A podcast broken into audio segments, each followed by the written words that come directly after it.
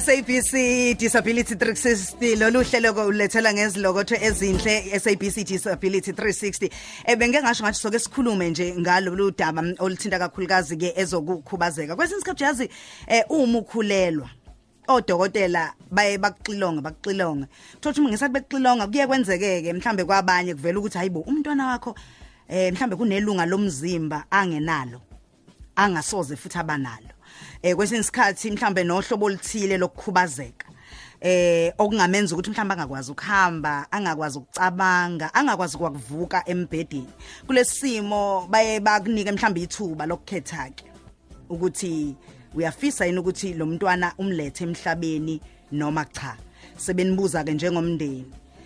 Ngabe kufanele yini ukuthi mhlambe umzali athathe isinqumo sokunqamula impilo yomntwana? Ngenxa yokukhubazeka kwakhe na? Uma ngabe ebona umzali ukuthi ayi mhm umntwana uzohlukumezeka kakhulu kunakuqala kunokuba ephila. Mhlawumbe kulungile eh kube ukuthi cha akadluliswe emhlabeni.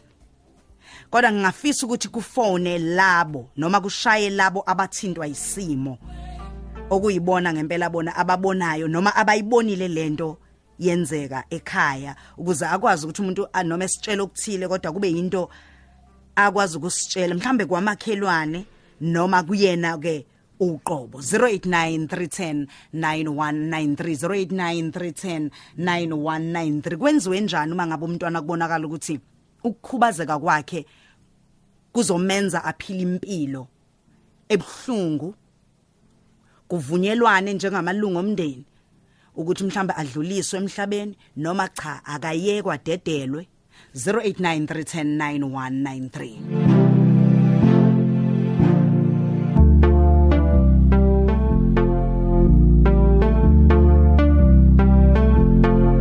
noma singena nje futhi siyazi ukuthi sizobe siliqoqa kahle ulimi lwethu sikhuluma kahle ukuze konke sikukhulumayo kuziwe wonke umuntu ngolimi olunenhlonipho kukho konke esikukhulumayo ukhozi sawubona? Ake sizame sibone lana ukhozi sawubona Sawubona Mrozo njani? Siyaphila dadewethu. Ukhuluma nesibongile mazibuko eloskope esikhothi. Ha. Ay Mroza mina ngibona ukuthi umntwana ngabulawa abulawele lokho ngoba phela naye uyisidalwa sikaNkuluNkulu uNkulunkulu omlethile ukuthi abenje ubona ukuthi akagcinwe mhlambe kuthiwa akazukwazi inhlobo ukuhamba impilo yakhe yonke. Ulungile mroza noma ngabe uhlobo luni usimo sini uyisidalwa sikaNkuluNkulu naye unelungelo lokuphila. Mina ngibona ukuthi akayekwe nje aphile umntwana anikeze uthando baningi sibabona kanjalo. Ha noma ngabe kuthiwa mhlambe kwasesikoleni ngeke akwazi ukubamba. Yebo mrozo ulungile umntwana wasekhaya ulungile uNkulunkulu uthandile ukuthi abe nje. Kulungile dadethu siyawuhlonipha umbono wakho. Ukhozi sawubona ke sizwe omunye umlaleli wethu sawubona? Yebo mrozo siyaphila kunjani? Siyaphila. Aha mase sicela usivalele nje ma umsakazo emva kwakho. Ukhozi sawubona eh sivala umsakazo emva kwakho uma singena. Ukhozi sawubona Mashane mashaneni yebo ma yebo baba. Ye niyaphila mroza sikhona bhuti wami. Hayi mani ngikhona mani. Mroza ujazi lona mani. Ngilayidumbe mangithuthe emasimini mina wemroza. Yeah eh mroza mina ngendlela engibona ngakho sami yazi kuyaphileka sikhona nakho siyaphila. Angiboni mani eh ukuthi sebengaze bethathe impilo yakhe nje ngoba nje engakwazi ukuhamba. Uthola ukuthi loyo kusasa kuzobe kuummeli omkhulu ngalendlela emangalisayo. Siyaphila kuyaphileka.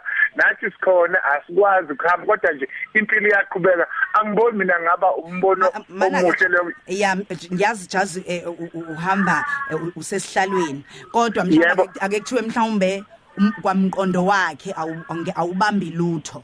Awubambi lutho. Mhlambe babuka zonke izimo ezifana nalezo.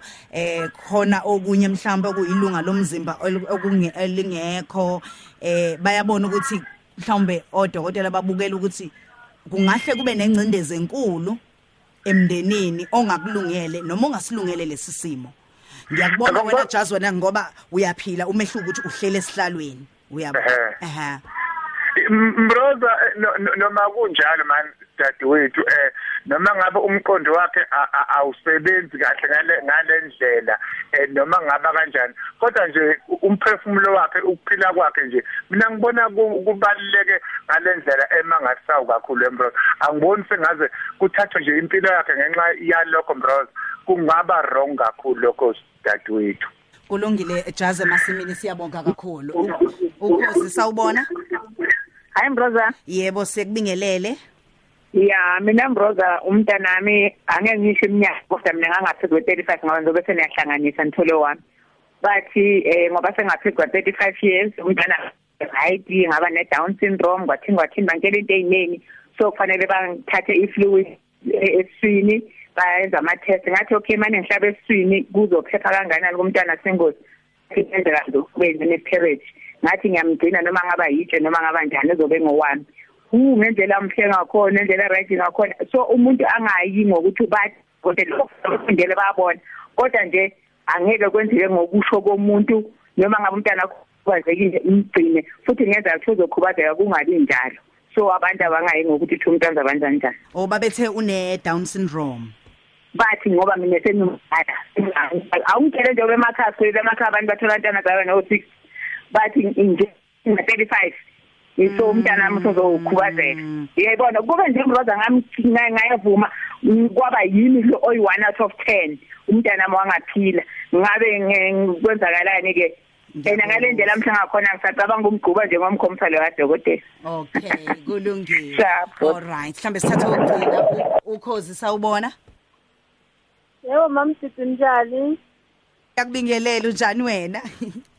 Yaphila mamsisi. Hayi, mm mina mamsisi bangithathela kona i-decision ngangayithathelanga mina bangitshela ukuthi mncane ba decide ukumkhipha bona. oh bathi mncane ngesikalo Eh, oh kwase Oh. ba ake wa- kwase ya terminate wakushuthi wa wa yaqedwa ke impilo yakhe yebo mamsisi. ngiyakuzwa ngani yakwethu okay njengamanje eh uzizwa kanjani wena Oh mamsisi ngakhushukela i-BP base bengasafuni nokungikhipha nasesibhedlela. ngempela Mm, ngonyaka ngenyanga ephezulu. U- uwathini kodwa umndeni wona Abaphatheka kabi. baphatheka kabi hm hm, hm hm. siyabonga kakhulu konje sikhuluma nobani Uthile mamsisi kwanongoma. U- uthi- uthili Uthili. ngiyabonga kakhulu ke thili ubukhuluma nomroza okhosini FM Ngiyabonga Mrose. kulungile ke dadethu siyabonga kakhulu yes kanti ke besikhuluma nje ngalolu daba izimo lezi ezehlakalayo sisazohlangana ngokhisimuze emakhaya kunezimo ezifana nazo lezi eh la kusuke kudinga ukuthi siwumndeni sikwazi ukulekelelana la sekufuna kuthathwa inqumo eh kodwa ekugcineni kho konke nabo dokotela sibalalele. Kanjalo futhi ke namalunga amanye omndeni mhlawumbe nawo sikwasondeze eduzane kodwa simkhumbule kakhulu osuke ethintwa kakhulu isimo esifana nalesi. Silando themba ngewenya ethi sekonakele emveni walokho siye kuthemba. Wakakhumalo kodwa ke lolu hlelo bulethulela nge SABC Disability 360